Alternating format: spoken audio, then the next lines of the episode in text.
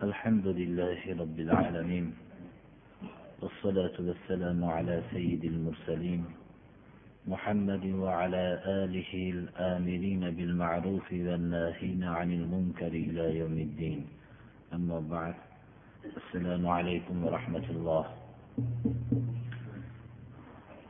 juma kundagi davom etayotgan darsimiz surai nisodan استعيذ بالله.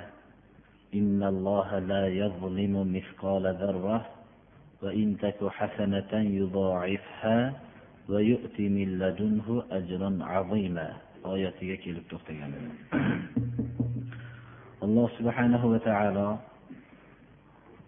shariat buyruqlarini ba'zi bir qismlarini bayon qilib va shariat qaytargan narsalarning ba'zi bir qismlarini bayon qilgandan keyin shariat buyruqlarini qabul qilish va shariat qaytargan narsalardan o'zini tiyish bu iymon ma'nosini bildirganligiga ishora qilib استعيذ بالله وماذا عليهم لو آمنوا بالله واليوم الآخر وأنفقوا مما رزقهم الله odamlar agar ollohga iymon keltirishsa qiyomat kuniga iymon keltirishsa olloh o'zi bergan rizq qilib bergan narsalarni ollohni yo'lida sarflashsa ularga nima zarar hosil bo'ladi?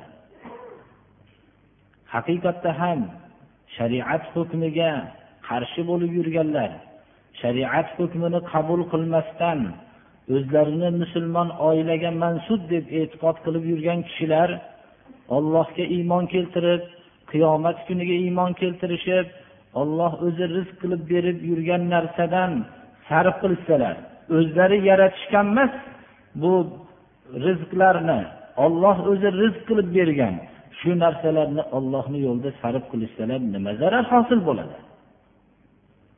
Ular shariatni hukmiga kirishgan vaqtlarida o'zlarining harom ishlaridan tiyilishliklariga majbur bo'lishadilar. Shuning uchun ular shariat hukmini qabul qilmasdan o'zlarining tanalarida gunoh qilishlikka quvvat qolmagan vaqtga cheklab qarab turishadilar. Agar ollohga iymon keltirishsalar odamlar qiyomat kuniga iymon keltirishsalar olloh rizq qilib bergan narsani ollohni yo'lida sarf qilishsalar hech qanday zoyi bo'lmaydi. Alloh taolo zarra miqdorida biror bir kishiga zulm qilmaydi. Balki agar banda tarafidan gunoh sodir bo'lgan bo'lsa kechirishligi mumkin. Agar kechirmasa shu miqdordagina gunoh yoziladi. Ammo mabodo banda qilgan amal yaxshilik bo'lsa uni ko'paytirib beradi. O'n barobardan to yetti yuz barobargacha ko'paytirib beradi. Olloh zarra miqdorida hech kimga zulm qilmaydi.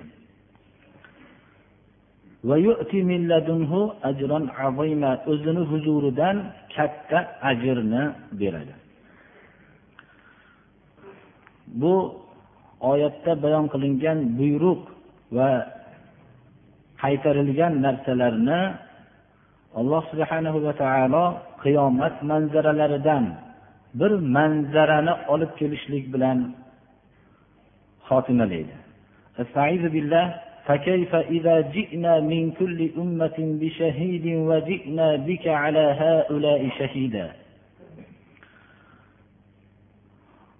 Alloh subhanahu va taolo mana bu oyatda bayon qilyaptiki insonlarni hammasini qiyomat kunida bir tarafda hozir bo'lib turganligini har bir ummatning guvohi bo'lgan payg'ambarlarning hammasini ummatlarga o'zlarining risolatini yetkazganligiga guvoh bo'lib turganligini rasululloh sollallohu alayhi vasallamning hamma millatlar ustida guvoh bo'lib turganlik holatini olib kelib bu yerda biror bir zarra miqdorida insonlarga zulm bo'lmaydigan maydonda hamma bashariyatning mahsharda hisob kitob uchun jamlanib turgan vaqtda agar sizni har bir millatdan o'zini guvohini olib kelsak va sizni bularning hammasiga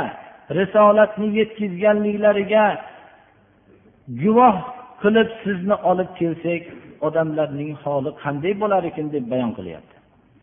Rasululloh sollallohu alayhi vasallam bu manzaraning qanchalik og'irligini va shu manzarada shu qiyomatning shu maydonda o'zlarining ustlaridagi risolat yukining qanchalik og'ir ekanligini his qilardilar. Abdulloh ibn masud roziyallohu anhuga aytdilarki qur'ondan tilovat qilib berishlikni talab qildilar. Abdulloh ibn masud roziyallohu anhu aytdilarki qur'on sizga nozil qilingan bo'lsa men o'qib beramanmi deganlarida men boshqadan qur'onni eshitishlikni yaxshi ko'raman dedilar abdulloh ibn masud o'zlari rivoyat qilib aytadilarki sura niso oyatlaridan o'qib berdim. Mana shu oyatga kelganimda ko'zimni ochib qarasam rasululloh sollallohu alayhi vasallamning ko'zlaridan yosh oqib turganligini ko'rdim. Ana u kishi shu vaqtda o'zlarining risolatni yetkazishlikdagi og'ir bir vazifalarini hammasini his qilardilar mana.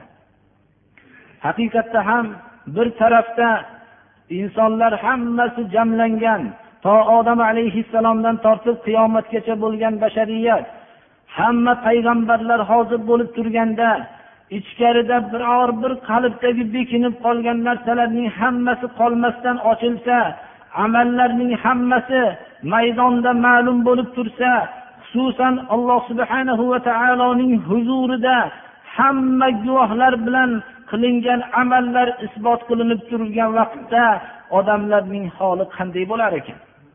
Mana bu manzarani alloh taolo qanday bo'lar ekan degan kalima bilan tamomlab qo'yyaptiki eshituvchi kishi o'zining hissi bilan bu manzarani o'zining qodir bo'lgancha bu hayoliga keltirishligi uchun.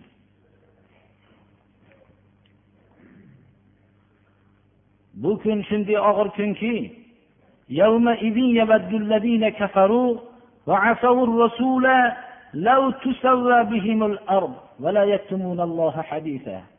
bu kunda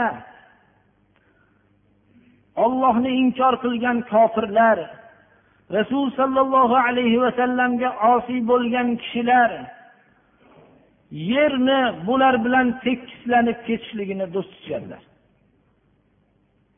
ollohni inkor qilmanglar deb xitob qilsangiz rasul sollallohu alayhi vasallamga osiy bo'lmanglar deb xitob qilsangiz sizni masxara qiladi.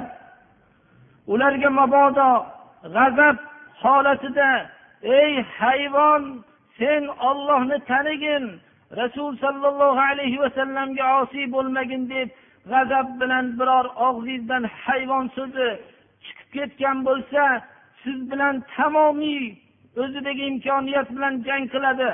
Ammo bu kunda faqat uning yagona orzusi hayvon bo'lishlik bo'ladi.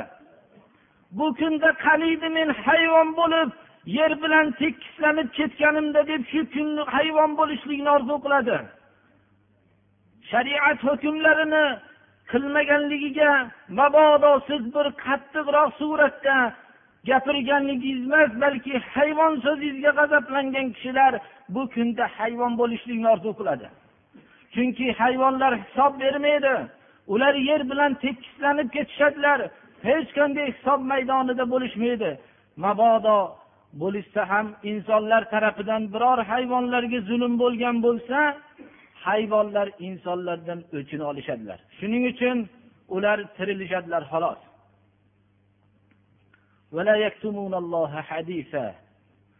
alloh subhanahu va taolodan biror bir xabarni hech bir hali amal emas balki so'zlarni ham bekitisha olmaydilar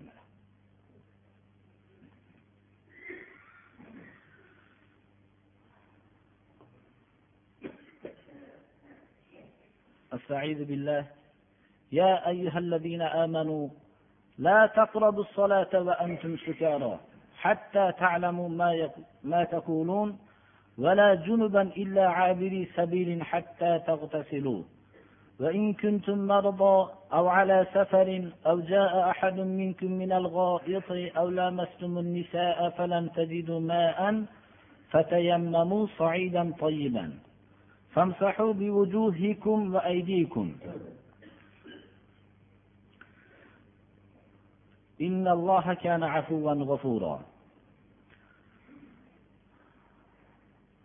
Avvalgi darsda alloh subhanahu va taolo o'zining ibodatiga buyurishlik bilan boshladi.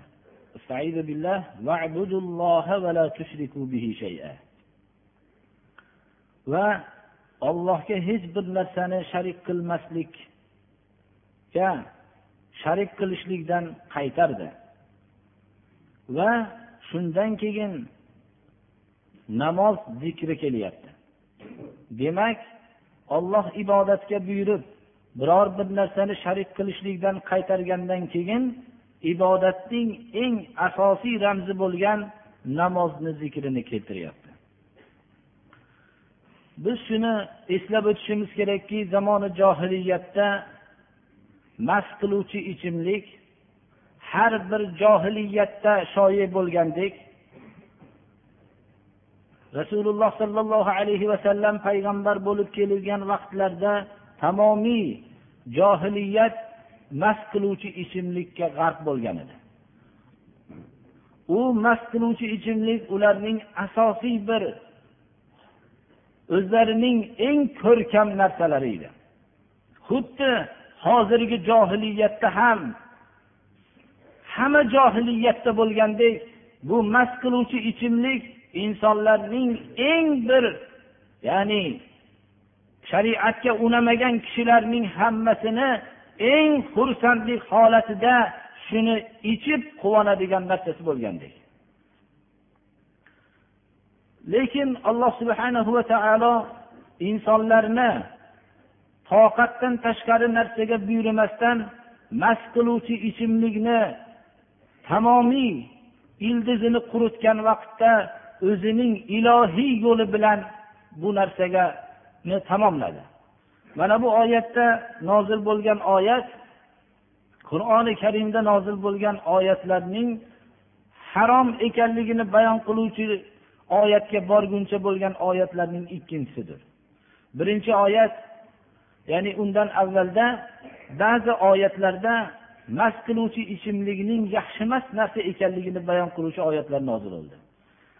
Billah surai nahlda ومن ثمرات النخيل والأعناب تتخذون منه سكرا ورزقا حسنا alloh subhanahu va taolo bayon qildiki xurmo uzum mevalaridan sizlar sakar ya'ni mast qiladigan narsalar va yaxshi boshqa rizqlar olasizlar deb mast qiluvchi ichimlikning yaxshi rizq emas ekanligiga ishora qilib tarbiyaladi. Undan keyingi oyat sura baqara oyatlaridan sizdan mast qiluvchi ichimlik va qimor haqida so'rashadi. Siz ularga javob beringki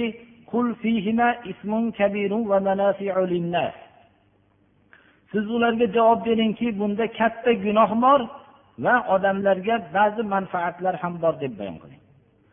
Kishilar hozirgi vaqtda ham mast qiluvchi ichimliklarning ba'zi manfaatlari davo uchun foydalanganliklarini bizga pesh qilishadi. Biz ularga javob beramizki bizni rabbimiz bundagi ba'zi insonlarga bo'lgan manfaatni bizga bayon qilgan lekin bir narsaning harom bo'lishligi uning ichidagi mutlaqo manfaat yo'qligiga tavaqquf qilmaydi. Ko'p narsalarning haromligi mutlaqo najas ekanligiga dalolat qilsa ba'zi narsalardagi haromlik uning zarari ko'p bo'lganligi uchun ham harom bo'ladi deb javob beramiz. Bundan keyingi oyatda mana bu bugungi darsimizdagi oyat alloh subhanahu va taolo iymon keltirgan kishilarni nido qilib chaqirib namozga mast holatinglarda yaqin bo'lmanglar deb buyurdi. Hatto sizlar nima deyayotganinglarni bilinglar. Mana bu oyatdan keyin surai moidada mast qiluvchi ichimlikning va qimorning bularni hammasini shayton ishidan najas ekanligini bayon qiluvchi qiyomatgacha bu narsaning harom ekanligini bildiruvchi oyat nozil bo'ldi.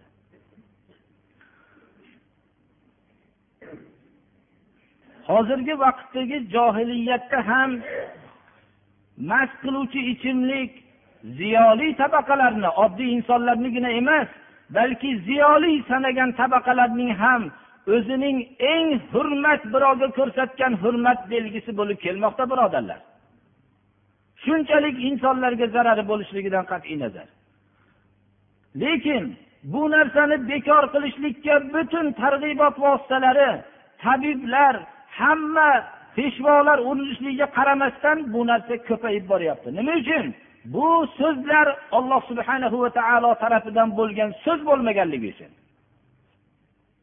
Alloh subhanahu va taolo o'zini shariatidan boshqa narsaga insonning qalbida bir o'rnaydigan bir haybat sulton bergan emas ammo mast qiluvchi ichimlikni yo'qotishlik uchun qur'oni karim o'zining sanoqli oyatlari bilan tamomiy quritib tashladi.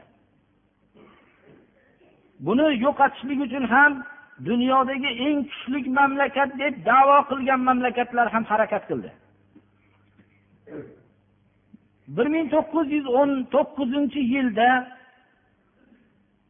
mast qiluvchi ichimlikni quritish qonunini bu amerika hukumati joriy qilmoqchi bo'ldi. Bu narsa o'n to'rt yil davom etishligiga qaramasdan nechi yillar nech qancha miqdordagi moli davlatlar sarf qilinishiga qaramasdan targ'ibot vositalarining shunga butun tashlashlikka targ'ib qilishligiga qaramasdan va ko'p bunga qog'ozlar sarf qilinishligiga qaramasdan nechi kishilarning mahbus qilinishligiga qaramasdan bu narsa mutlaqo yo'qolmasdan qolaverdi. Nima uchun? Bu olloh tarafidan bo'lgan qonun bo'lmaganligi uchun bashariyatga mutlaqo ta'siri bo'lmasdan qoldi. Hozirgi bu yerdagi harakatlar ham olloh tarafidan bo'lgan qonun bo'lmaganligi uchun mutlaqo ta'sirsiz bo'lib qolyapti. Shariat hukmida bu yo'qotishlik uchun mast qiluvchi ichimliklarni yo'qotishlik uchun aytib o'tganimizdek sanoqlik bir oyat kalimalar bilan yo'qoldi. Nima uchun? Bu ollohning kalomi bo'lganligi uchun insonlarning yaratuvchi zotning kalomi bo'lganligi uchun bu ta'sir bo'ldi. Hatto rivoyat qilinadiki oxirgi nozil bo'lgan oyat suray moidada oyat nozil bo'lganda shu oyatni ba'zi kishilar rasululloh sollallohu alayhi vasallamning oldilaridan biror bir alomatni olib hozir shu oyat nozil bo'ldi deb e'lon qilishlik o'zi kifoya qilardi. Shu oyat nozil bo'lganda bir ziyofatda mast qiluvchi ichimlik bilan ichishmoqchi bo'lib turgan vaqtda ba'zi kosalar qo'lda edi ba'zi kosalar labga borgan edi ba'zilar ho'plagan edi. Mana bu tovush eshitilgan vaqtda odatda uni ham chaqirishlikka taklif qilingan vaqtda shu oyatni o'qib bergan vaqtda qo'lidagilar kosani tashladi. Labiga olib borganlar tashlab yubordi. Og'zida yutganlar ho'plaganlar tupurib tashladi. Mana bu narsa bilan bitta oyat kalima bilan insonlar shu mast qiluvchi ichimlikdan voz kechishdilar. Bu tarixda saqlanib qoldi bu voqea. Qur'on oyatlarining qanchalik ta'siri bo'lganligi saqlanib qoldi. Nima uchun avvalgi bosqichda iymon bilan tarbiyalanishgan edilar?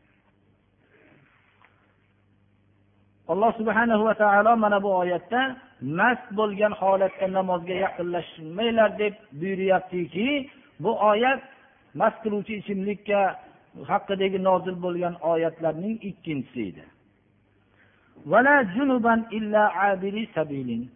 Junub holatida ham namozga yaqinlashmanglar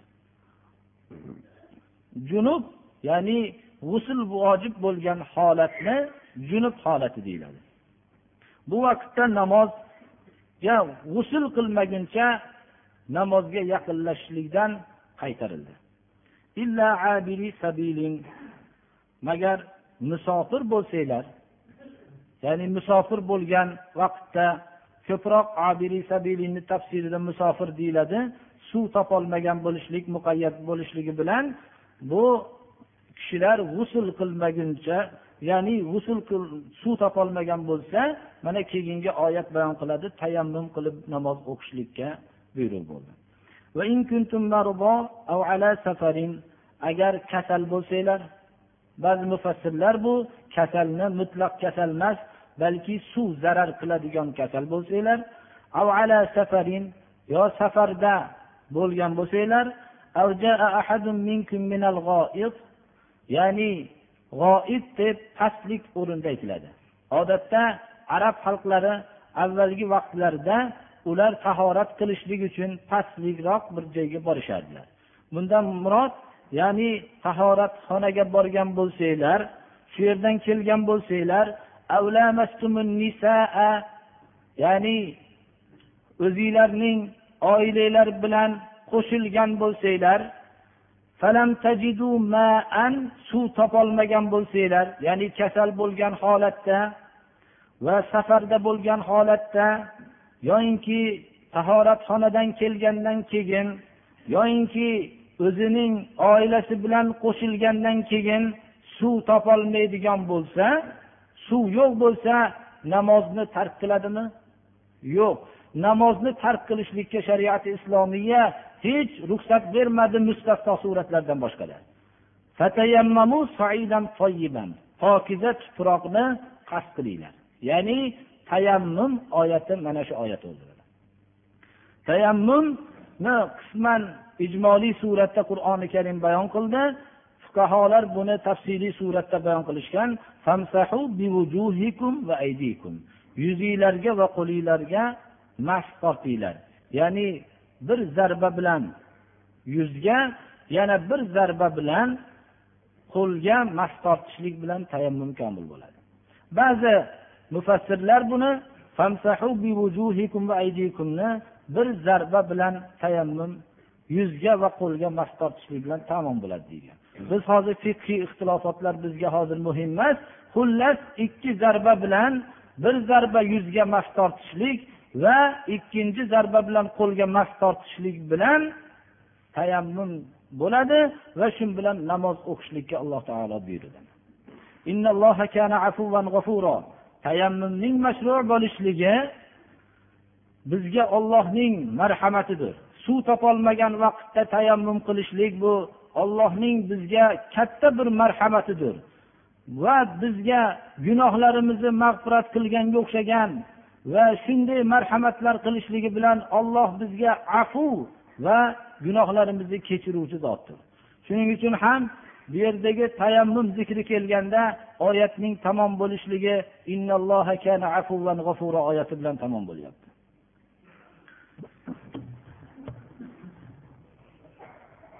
إن الحمد لله نحمده ونستعينه ونستغفره ونعوذ بالله من شرور أنفسنا ومن سيئات أعمالنا. من يهده الله فلا مضل له ومن يضلل فلا هادي له. وأشهد أن لا إله إلا الله وحده لا شريك له وأشهد أن محمدا عبده ورسوله. أما بعد السلام عليكم ورحمة الله. juma kunidagi qur'oni karimdan davom etib turgan darsimiz استعيذ بالله ألم تر إلى الذين أوتوا نصيبا من الكتاب يشترون الضلالة ويريدون أن تضلوا السبيل والله أعلم بأعدائكم وكفى بالله وليا وكفى بالله نصيرا surai nisoning mana shu oyatiga kelib to'xtagan edi. Alloh subhanahu va taolo mana shu oyatda kitob ya'ni ilohiy kitob berilgan ilohiy kitobdan bir ulush berilgan kishilarning o'zlarinidagi hidoyatni berilganligini hidoyat berilgan kishilar o'zlaridagi bu qiymatbaho narsani bilishliklari kerak ekanligiga ishora qilib bu hidoyatdan ya'ni kitobdan ulush berilgan kishilarning o'zlari hidoyatni qo'yib zalolatni sotib olishliklari bu zalolatni sotib olishlikni o'zlariga cheklanishligiga ham kifoya qilmasdan boshqalarning adashishligini yo'ldan adashishligini xohlashliklari juda bir qiziq ahvol ekanligini bayon qilyapti.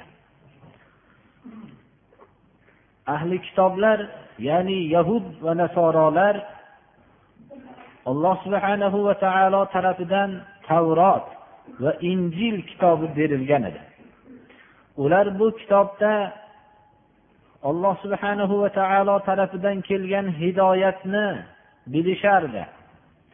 Janobi rasululloh sollallohu alayhi vasallam payg'ambar bo'lgandan keyin bu kishiga hasad qilishib o'zlaridagi bo'lgan hidoyatni qo'yishib zalolatni sotib olishdilar.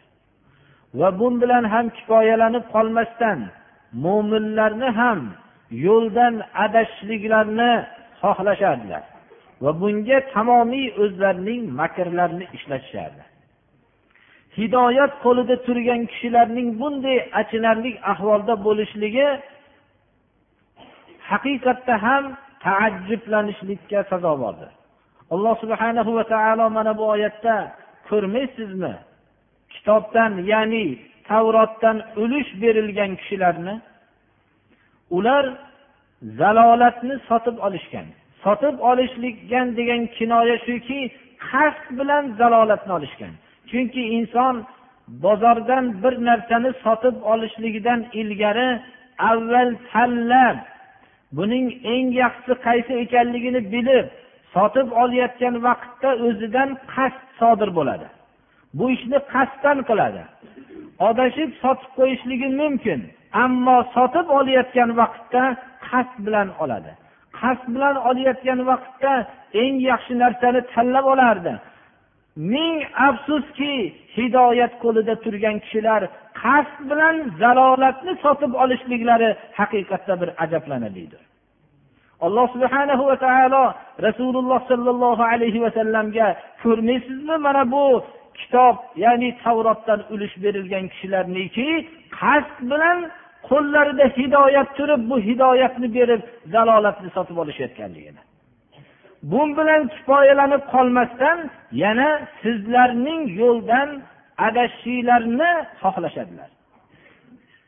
Haqiqatda ham zalolatni o'zi sotib olgan qasd bilan olgan odam boshqalarning ham bu zalolatda sherik bo'lishligini xohlaydi. Alloh subhanahu va taolo mana bu kalima bilan ajablanishlikka sazovor bir holatni bayon qilyapti. Shu bilan birga bu mo'minlarga ham xitobki kitobdan ya'ni qur'oni karimdan bir ulush berilgan kishilar qur'onning nimaga nozil bo'lganligini bilgan kishilar qur'onda alloh subhanahu va taolo nimalarni bayon qilganligini bilgan kishilar zalolatni sotib olishliklari bu juda ajablanarli bir holatdir. Bu zalolatni sotib olishliklari bilan kifoyalanmasdan boshqa haq yo'lda turgan kishilarni ham adashishligini xohlashliklari bu yahud tabiatligidir bu. Buni biz yaxshi bilishimiz kerakki hidoyatdan bir ulush berilgan kishilar o'zlarida juda bir katta ne'mat borligini bilishlik. Qur'oni karim nozil bo'lganiga bir ming to'rt yuz yil bo'lgan bo'lsa bundan ortiq yillar o'tgan bo'lsa bu hidoyat edi. Bu hidoyatni qo'yib turib odamlar tarafidan tuzilgan yo'llarni qabul qilgan kimsalar nechi bor yo'llaridan qaytishdi? Hidoyat ularga berilgan emas edi. Ularning bu zalolatlarni ixtiyor qilishligi ajablanarli emas edi. Lekin qur'oni karimdan bir ulush berilgan kishilarning qur'on yo'lini qo'yib turib boshqa yo'llarga qiziqib ketishligi bu alloh subhanahu va taolo yahudlarni holatini bizga bayon qilib berayotgan holatdan farq qilmay qolarmikin birodarlar ana bu narsani mo'minlarni ogohlantiryapti.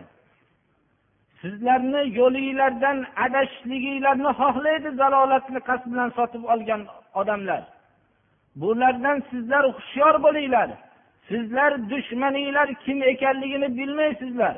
Ammo alloh subhanahu va taolo sizlarning dushmaninglar kim ekanligini biladi. Vallohu a'lamu bi a'daikum.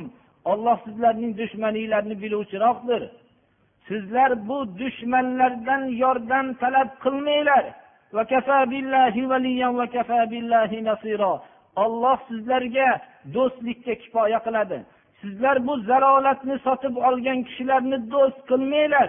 Olloh sizlarga do'stlikka kifoya qiladi. Sizlar bulardan yordam so'ramanglar. Olloh sizlarga yordam beruvchi bo'lishlikka kifoya qiladi.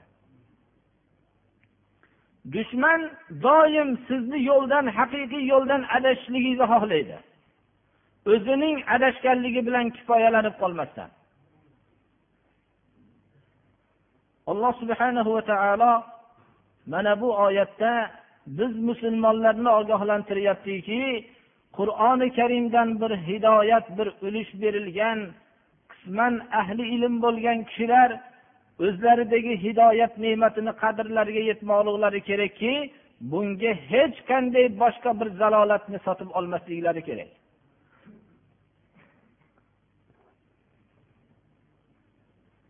Yahud ahli kitoblarining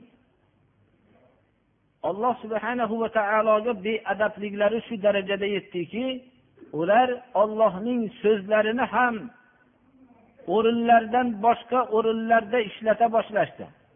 Ollohni kalimalarini o'zgartirib ma'no berishdi. Rasululloh sollallohu alayhi vasallamga eng ulug' payg'ambarga beadabona xitob qilishlikdan tortinishmadi. Mana bu beadabliklarni hikoya qilib alloh subhanahu va taolo bayon qilyaptiki يحرفون الكلمة عن مواضعه ويقولون سمعنا وعصينا واسمع غير مسمع وراعنا ليا بألسنتهم وطعنا في الدين ولو أنهم قالوا سمعنا وأطعنا لكان خيرا لهم وأقوم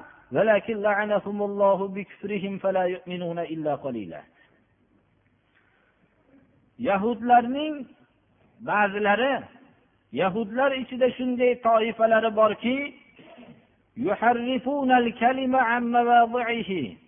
ollohning kalimalarini o'rinlaridan o'zgartirishadi. Xoh butunlay boshqa ma'no berib xoh o'zlarining maqsadlariga burun ma'no berishadi.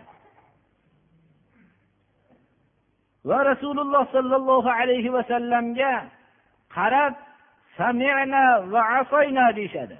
Gapingizni eshitdik yaxshi tushundik va itoat qilmaymiz deb shu oshkor aytishadi. Ba'zi vaqtlarda makr bilan deb varoina deb xitob qilishadi. Bu kalima ikki xil ma'noni bildiradi. Yahudlar ahli kitoblar rasululloh sollallohu alayhi vasallam avval madinaga kelgan vaqtlarida u kishining kuch quvvatlari keyingi darajadagidan ko'ra ozroq bo'lganligi uchun yuzlariga behayolik bilan so'zingizni yaxshi eshitdik itoat qilmaymiz so'zingizga deb aytishardi. Ammo keyinchalik islomning sha'ni shavkati bo'lgandan keyin ular rasululloh sollallohu alayhi vasallamga oshkor bunday xitobni qilisha olmadi. Ular maxfiy uslub bilan rasululloh sollallohu alayhi vasallamning sha'niga kamsitadigan so'zlarni aytishdi. Mana bu so'z ham shu so'zlar jumlasidandir.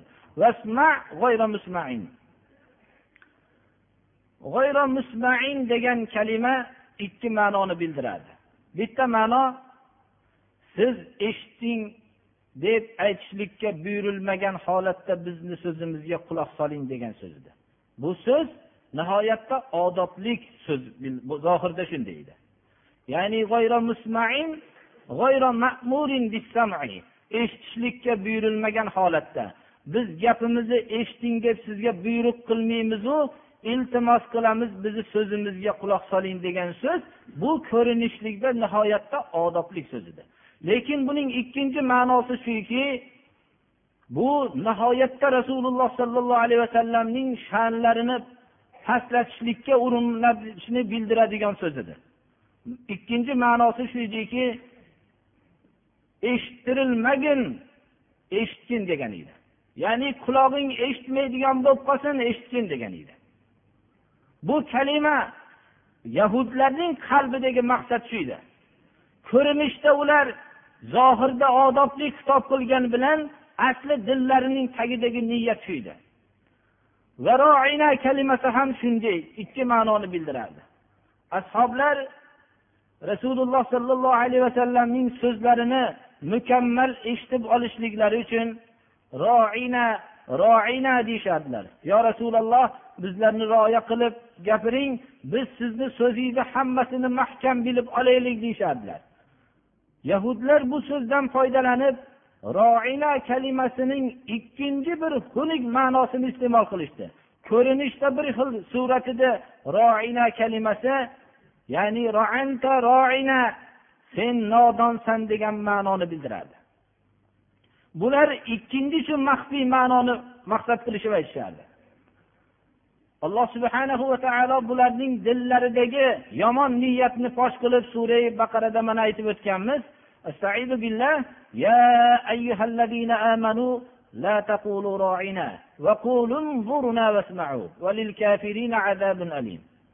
Ey iymon keltirgan kishilar rasul sollallohu alayhi vasallamga xitob qilayotganinglarda roina ya'ni rioya qiling bizlarni degan kalimani aytmanglar chunki bu kalimadan yahudlar boshqa ma'noni maqsad qilib rasululloh sha'niga yomon so'zni aytishlik imkoniyatini topishyapti xuddi shu ma'noni bildiruvchi kalimasini aytinglar. Ya'ni bizlarga sal muhlat bilan gapiring degan ma'no. Ikkovi ham bir xil edi lekin unvurna kalimasidan ular rasululloh sollallohu alayhi vasallamni kamsitadigan so'z topisholmay qoldi. Olloh bularning niyatidagi yomonlikni ochib tashladi. Mana bu oyatda avvalgilarida bular payg'ambarimiz sollallohu alayhi vasallam madinaga yangi kelgan vaqtlarida oshkor so'zingizni eshitdik itoat qilmaymiz deyishardi. Keyinchalik quvvatli bo'lganlaridan keyin islom rivojlangandan keyin bular maxfiy yo'llar bilan rasululloh sollallohu alayhi vasallamning sha'nlariga har xil so'z aytishadigan bo'ldi. Mana bu tillarining burib niyatlari boshqa ekanligini bayon qilib alloh subhanahu va taolo bu so'zni zohiri yaxshi so'z lekin bular tillarini burib maqsadlari boshqa bo'lgan so'zni aytishyapti. dinga ta'na yetkazishlik uchun shu so'zlarni aytishyapti. agar ular ya'ni ahli kitoblar aytishganda eshitdik so'zingizni va so'zingizga itoat qildik deyishganda o'zlari uchun yaxshilik bo'lgan bo'lardi. Va aqvama u o'zlari uchun to'g'riroq bo'lgan bo'lardi. Lekin ollohning la'natiga duchor bo'lishdilarda bulardan bunday to'g'ri so'z sodir bo'lmadi.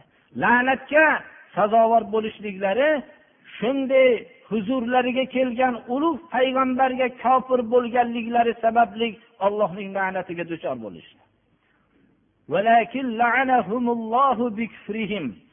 Ular shunday ulug' payg'ambarga kofir bo'lganliklari sababli olloh ularni la'nat qildi. Shuning uchun ularning faqat oz qismlarigina iymon keltirishadi. Kalimasining muzore siygasida kelishligi bular faqat oz qismlarigina iymon keltirishadi. Bularning ko'pliklari iymon keltirmaydi degan alloh subhana va taoloning so'zini sodiqligi mana hozir bir ming to'rt yuz yildan ko'p muddat nozil bo'lgan vaqt o'tgan bo'lsa qur'onning nozil bo'lganligiga islomga iymon keltirgan yahudlar yer yuzida ozchilikni tashkil qiladi. Ular doim islomga firib makr nayranglarini qo'yishmaydi. qaysi bir islomga uyushtirilgan zarar bo'lsa uning orqasida shu ahli kitoblar bekinib yotadi.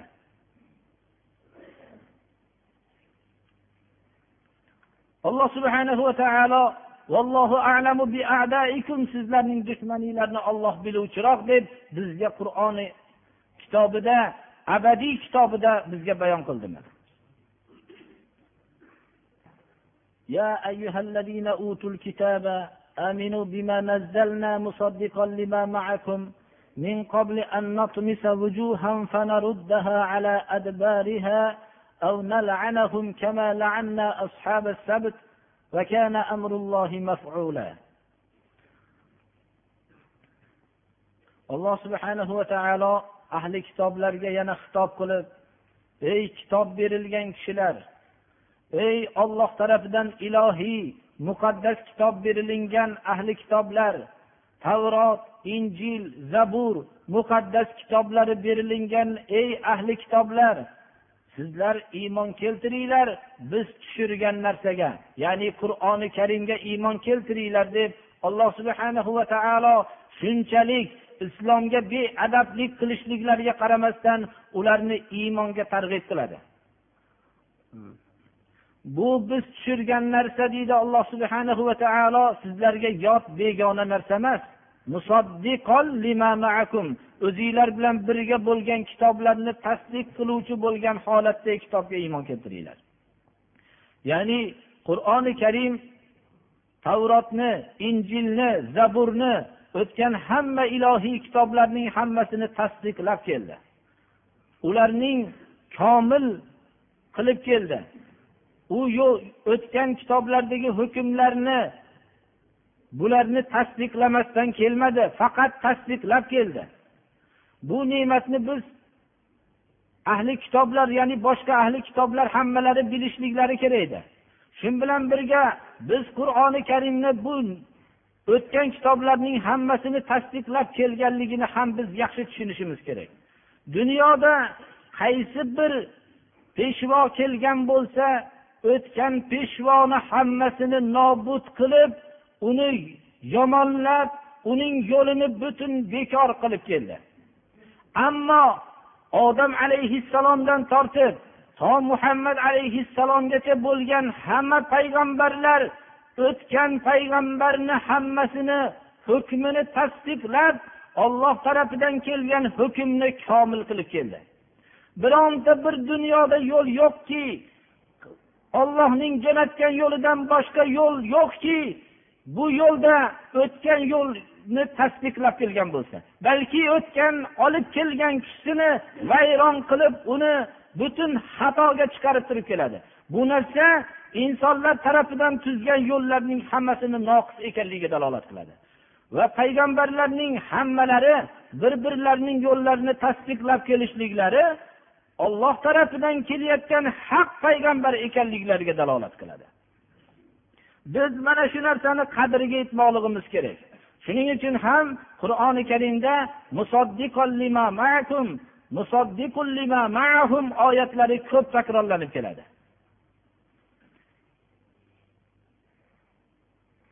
Ey ahli kitoblar sizlar ham biz tushirgan qur'onga iymon keltiringlar. Bu qur'on begona narsa emas edi sizlarga. Sizlar bilan birga bo'lgan ilohiy kitoblarni tasdiqlab keluvchi holatda tushirgan edik shu bilan birga alloh subhana va taolo targ'ib qilishligi bilan birga ularni tahdid ham qiladi.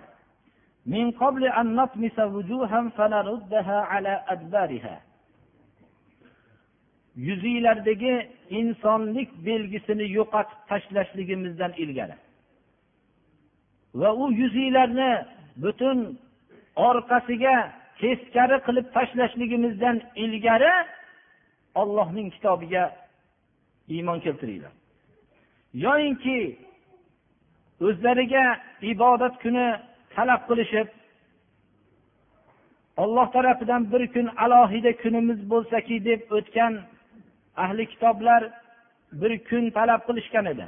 Faqat bu kunda ibodat qilaylik dunyo ishlari bilan mashg'ul bo'lmaydigan bir kunni alloh subhanahu va taolodan talab qilishgan edi. Alloh subhanahu va taolo shanba kunini bergan edi. Shanba kuni bilan imtihon qilgan edi. Qur'oni karimda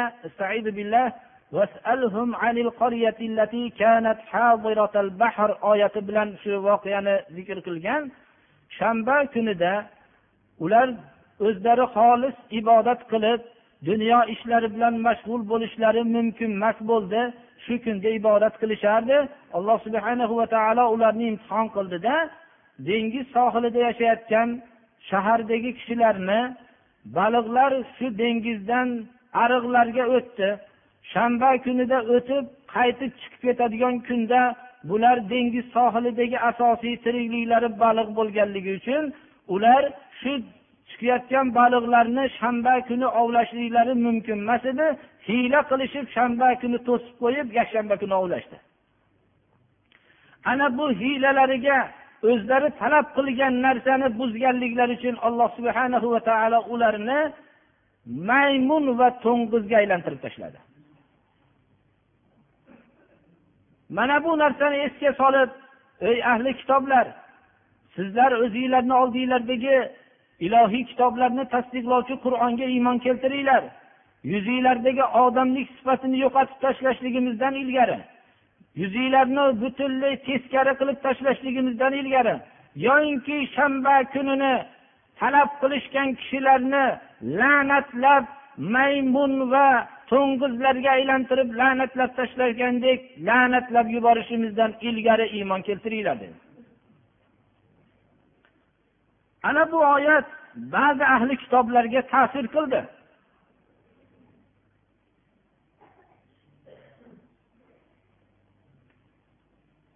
Kab kabul ahbor bu kishini islom keltirishligi haqida shuni rivoyat qilishadilar. Umar ibn hattob davrida islom keltirgan degan rivoyatlar bor.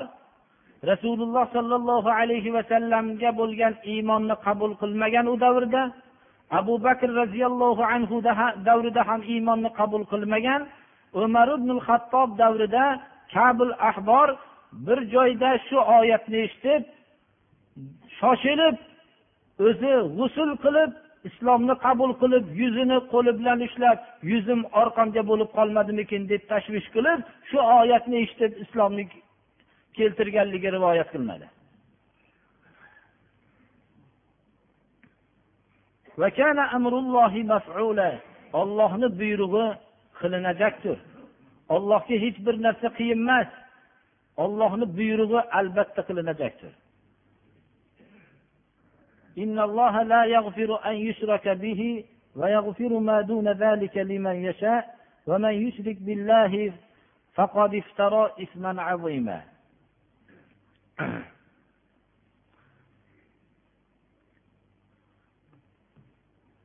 alloh subhanahu va taolo insonni yaratganda inson o'zi tabiatan ko'p xatolarni qiluvchidir.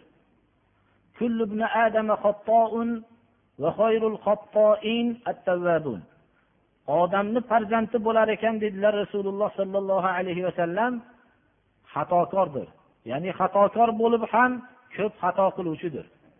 Lekin ko'p xato qiluvchilarning eng yaxshilari tavba qiluvchilaridir. Xatolarida davom etmasdan xatolarini tez anglab allohga tavba qilib o'zini o'nglab oluvchilaridir. Demak inson bo'lar ekan odam alayhissalomni farzandi bo'lar ekan shuning avlodidan bo'lar ekan xato qilmaslikni iloji yo'q.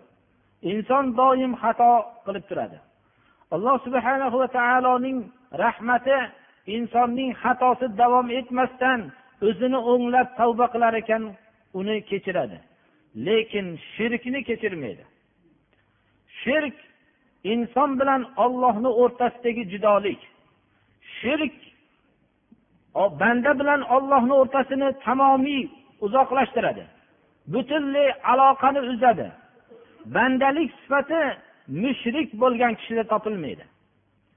Alloh subhana va taolo qur'onda ikki o'rinda mutlaqo kechirmaslikni ba'zi o'rinlarda shirkning katta zulm ekanligini bayon qildi. Mana bu oyat ham shu oyatlar jumlasidandir. Olloh o'ziga sharik qilinishligini kechirmaydi. Buni buyog'idagi gunohlarni kechiradi ammo kimni xohlagan bandasini gunohini kechiradi. Hech kim ayta olmaydiki meni gunohimni olloh kechiradi deb ayta olmaydi. Olloh xohlagan bandasini gunohini kechiradi shirk bo'lmasligi sharti bilan. Kim ollohga sharik qilgan bo'lsa xoh payg'ambarni sharik qilsin xoh insonni boshqa oddiy insonni sharik qilsin xoh ulug' hurmatli insonni sharik qilsin xoh farishtani sharik qilsin xoh jinni sharik qilsin xoh biror butni sharik qilsin xoh bir daraxtni sharik qilsin xoh hayvonni sharik qilsin ollohni ollohga katta bir gunohni bo'xton qilib to'qitdi bu odam shirk alloh subhana va taolo kechirmaydigan gunoh. Boshqa gunohlarni xohlagan bandasida qaysi bandasini xohlasa shuni gunohini kechirishlikni kechiradi. Shuning uchun shirkni ko'p kishilar shu haqda yaxshi bilib olishlari kerakki ollohga bir narsani barobar qilishlikdir. Har qancha insonlar ulug' deb e'tiqod qilgan narsani ollohga barobar qilishlik bilan mushrik bo'ladi. Olloh bilan banda o'rtasida vosita qilishlik bilan shirk bo'ladi. Rasululloh sollallohu alayhi vasallamning davridagi rasululloh sollallohu alayhi vasallam jang qilgan kishilar makka ahllari ollohni inkor qilmasdi. Ulardan koinoti yerni kim yaratgan deb so'rasangiz deb mana qur'oni karimda nechi joyda keladi? Olloh deb javob berishardi. Ular sig'inayotgan butlari olamdagi biror narsani yaratmagan ekanligiga ishonishardi. Lekin ular nima uchun bu butlarga o'zinglarning peshvoiylarga sig'inasizlar? Ular haromni halol qilib bersa qabul qilasizlar. Halolni harom desa qabul qilasizlar deyilsa biz bularni olloh bilan o'zimiz o'rtamizga shafiy qilib o'rtada vositachi qilamiz deb javob berishadi shu amallari uchun mushrik bo'lishdi. Shu amallari uchun rasululloh sollallohu alayhi vasallam yigirma uch yil kurashdilar. Xulafolar shular bilan kurashdilar. Ollohni inkor qilgan kofir keyin chiqdi. Bunday ollohni inkor qiladigan kofir yo'q edi. Ollohga sharik qiladigan mushriklar bor edi. Rasululloh sollallohu alayhi vasallam shu mushriklar bilan jang qildilar. Ulardan savol qilgan vaqtidagi javoblarni qur'oni karim bayon qilib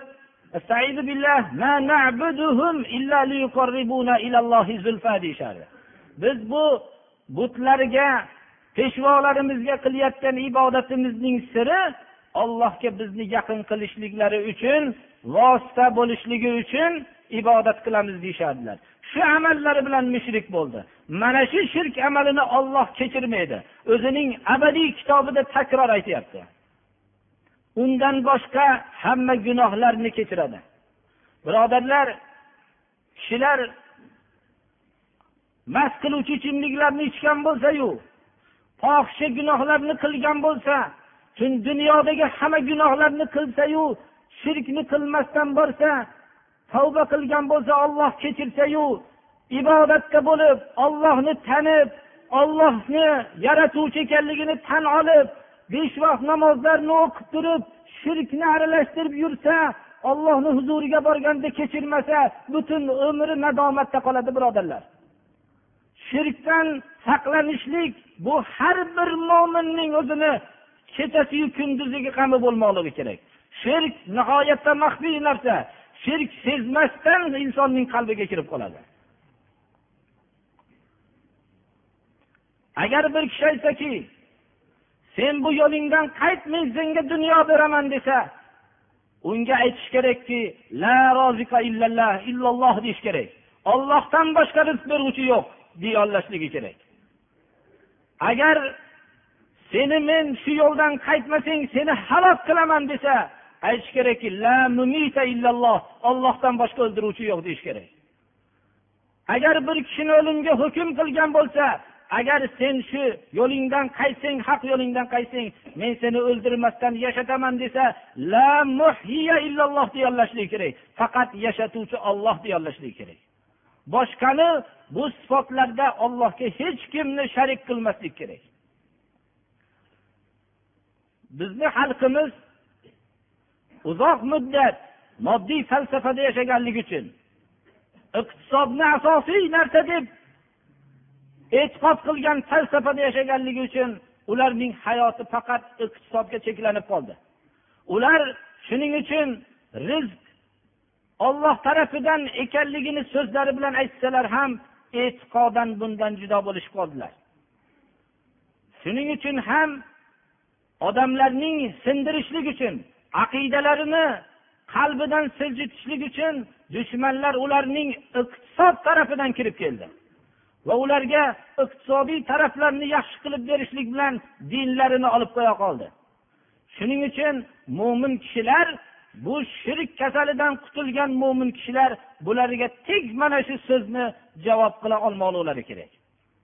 Alloh subhanahu va taolo o'zining sifatlarida biror bir payg'ambarni valiyullohni yoyinki maloikani yoyinki jinni yo aytib o'tganimizdek hayvonni yoyinki toshlarni yo daraxtlarni barobar bo'lishligini kechirmaydi. Agar bandalar tarafidan shu xato sodir bo'ladigan bo'lsa.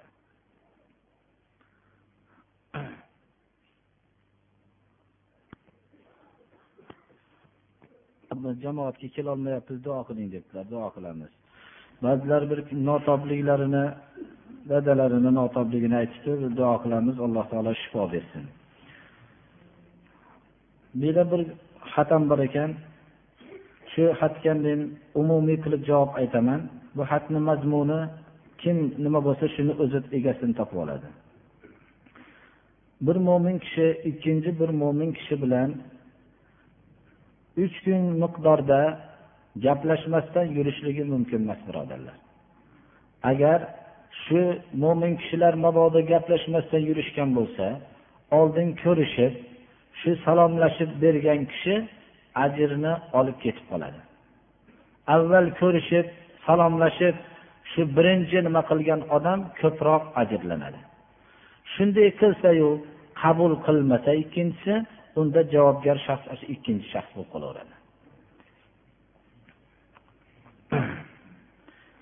Endi aqiqa to'g'risida so'ralibdi birodarlar juda ko'p javob berganmiz aqiqa deb farzand ko'rganligini shukronasiga bir odam qodir bo'lsa ikkita qo'y bo'lmasa bitta qo'y so'yishlik. Shuni so'yadi bir ziyofat beradi xolos. Endi buni orqasidagi gaplarni e, ko'p takror bo'lgan endi bularni hojati yo'q.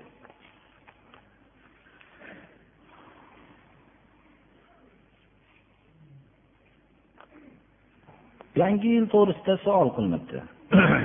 javob shuki milodiy sana bir ming to'qqiz yuz yigirma birinchi yil kirib kelyapti. Birinchi yanvardan keladi. Milod degan so'zning ma'nosi bu iso alayhissalomning tug'ilgan kunlari. Iso alayhissalom ollohning ulug' payg'ambari.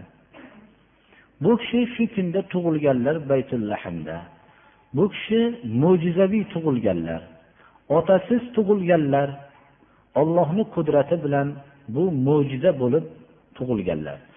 Shu tug'ilganliklarini bu kishi ollohni ulug' payg'ambari bu kishi butparastlik bilan kurashib yakka ollohga ibodat qilishlik uchun chaqirganlar.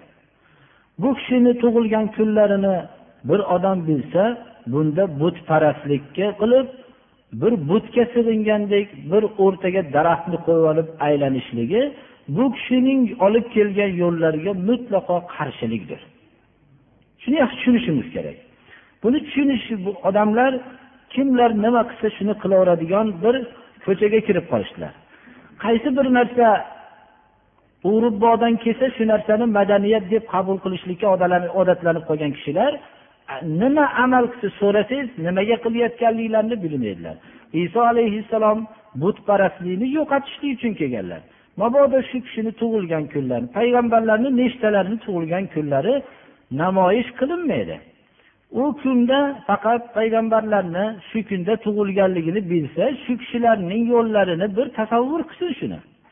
U kishini tug'ilgan kunlarida butun mast qiluvchi ichimliklar bilan shug'ullanish bu qip qizil nodonlik bu narsa u butparastlikni nishonlashi bu bir nodonlik shuni tushunish kerak. Iso alayhissalom ya'ni milod tug'ilgan kun. Hijrat yili mana hisoblanadi payg'ambarimiz sollallohu alayhi vasallam makkadan madinaga hijrat qilgan kunlari.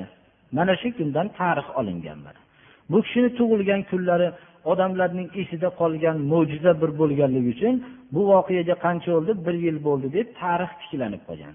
Bu narsani ko'p kishidan so'rasangiz bilganlar biladi buni bilmaganlar nima qilayotganligini ham bilmaydi o'zidan so'rang. Nima uchun bu?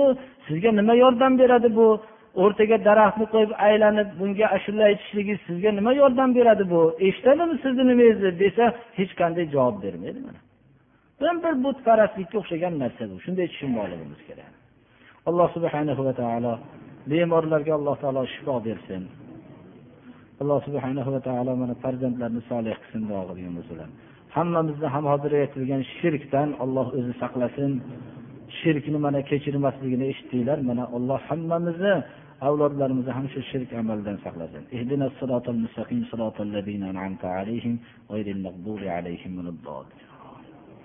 Iymon keltirgan kishilarni chaqirib ollohdan qo'rqishlikka chaqiryapti. Va shu bilan birga ollohdan qo'rqishlik belgisi to'g'ri so'zni aytishlik ekanligiga ishora qilib to'g'ri so'zni aytinglar. Ollohdan qo'rqish to'g'ri so'zni so'zlash insonlarning amallarini olloh tarafidan isloh qilinishligiga sabab bo'lib va gunohlarni mag'firat qilinishligiga sabab bo'lishligini bayon qilyapti. Va bu ollohi rasuliga itoatlik ramzi ekanligi. Alloh rasuliga itoat qilgan kishi katta bir najotga erishganligini bayon qilyapti. Saloti janoza. Birodarlar bu marhuma ayamiz mana o'zlarini turmush o'rtoqlaridan ajralgandan keyin o'zlari ayol kishi bo'lsalar ham farzandlarini mana solih soliha qilib tarbiya qilgan mana shu ayollardan bugun mana marhuma bo'libdi farzandlarini mana hammamiz ko'pchilik biladi. Hammalari shu yerda ibodatda hammalari qizlari ham ilm o'qigan shunaqa hammalari islom yo'lidagi kishilar. Bir inson vafot topsayu o'zidan keyin solih farzandlarni qo'yib kelsa go'yoki u o'lmagandek orqasidan doim ajr savob borib turadi. alloh subhanahu va taolo duo qilaylik. Safarlarni bexatar qilsin savol javoblarni oson qilsin. Oxiratga bo'lgan bu safarini alloh taolo bexatar qilib qolganlarga alloh sabr jamil ato qilsin.